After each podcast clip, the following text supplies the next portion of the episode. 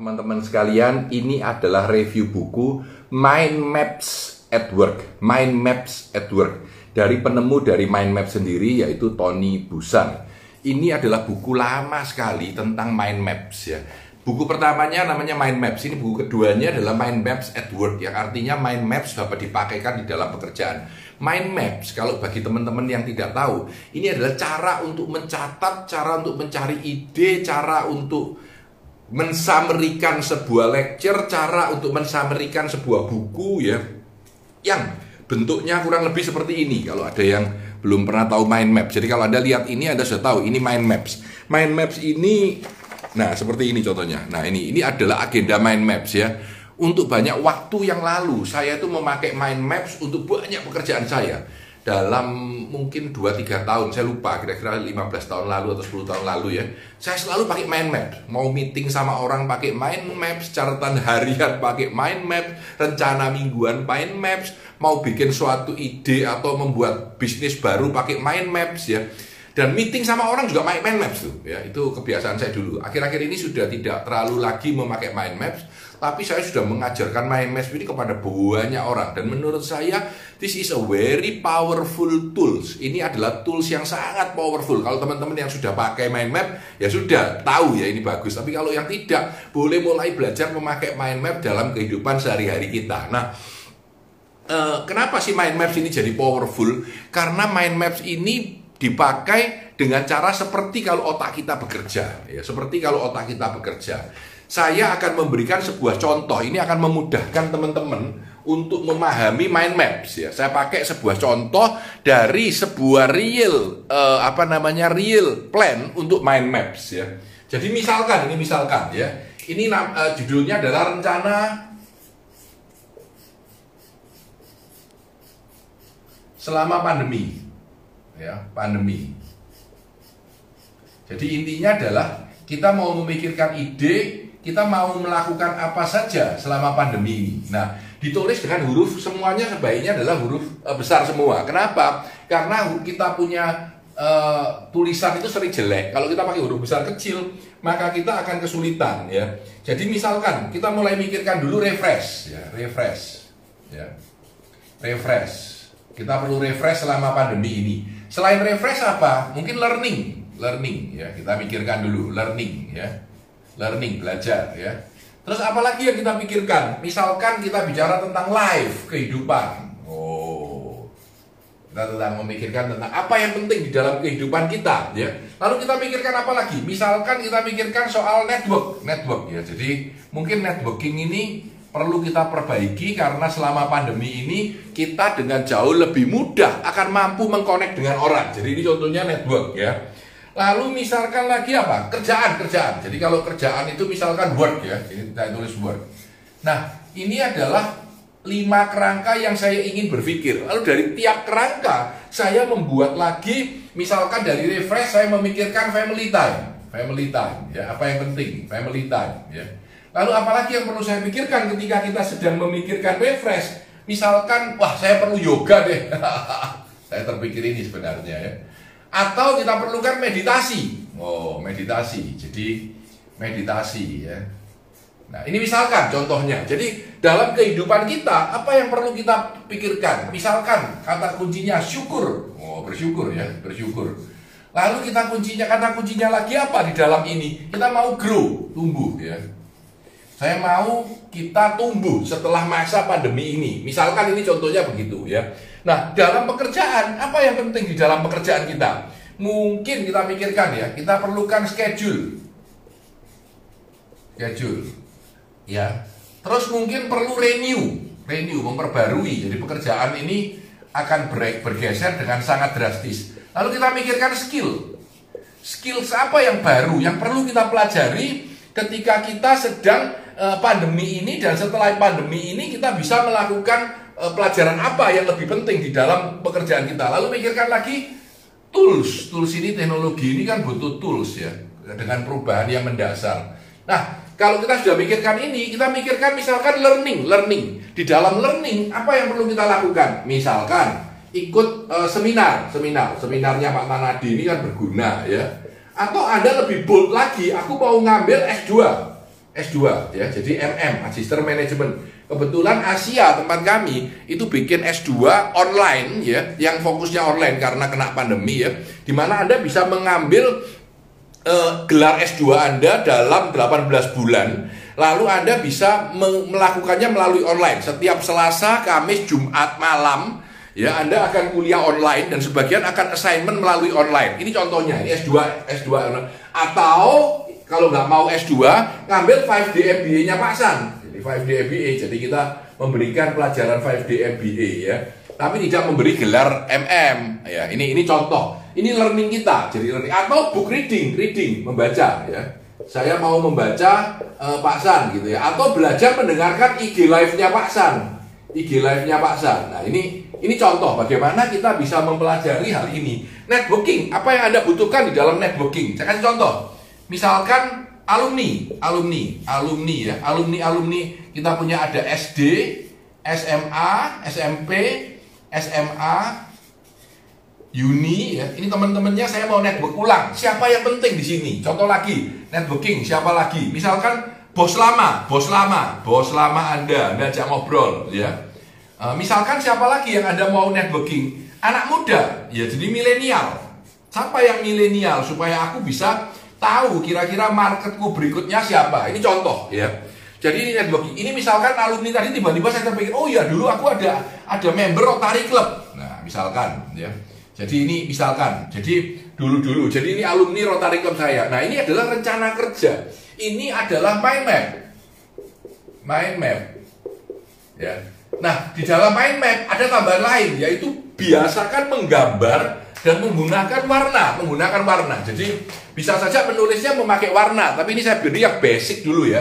Jadi kalau mau memberi warna, saya bisa memberi warna supaya supaya mudah diingat dan cantik. Jadi misalkan saya penting yang menurut saya penting itu di dalam learning adalah e, mengambil S2 MM Asia. Jadi ini yang menurut saya penting. Jadi ini akan saya kasih warna gitu ya. S2 MM ya. Ini yang paling penting buat saya. Misalkan begitu ya. Lalu saya merasa bahwa saya perlu belajar yoga. Yoga ini penting buat saya ya.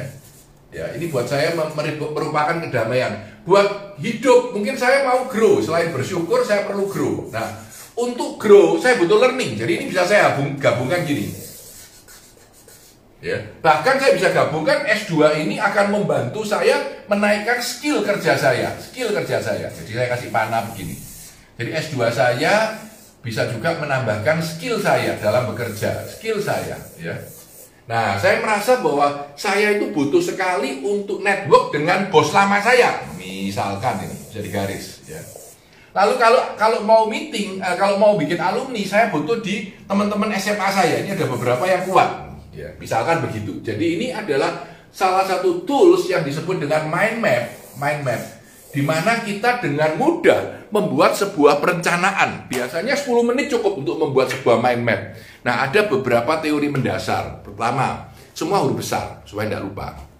Yang kedua, uh, naruhnya itu gini Bukan gini. Kenapa gini? Karena mata kita tanpa sadar tuh melihatnya begini. Kalau Anda lihat bayangan, kenapa mata kita itu pakai skala 16 banding 9 untuk TV dan seterusnya? Karena mata kita terbiasa gini. Tidak gini. Ini adalah terbentuk karena buku. Buku itu dibuat seperti ini lalu buat begini ya.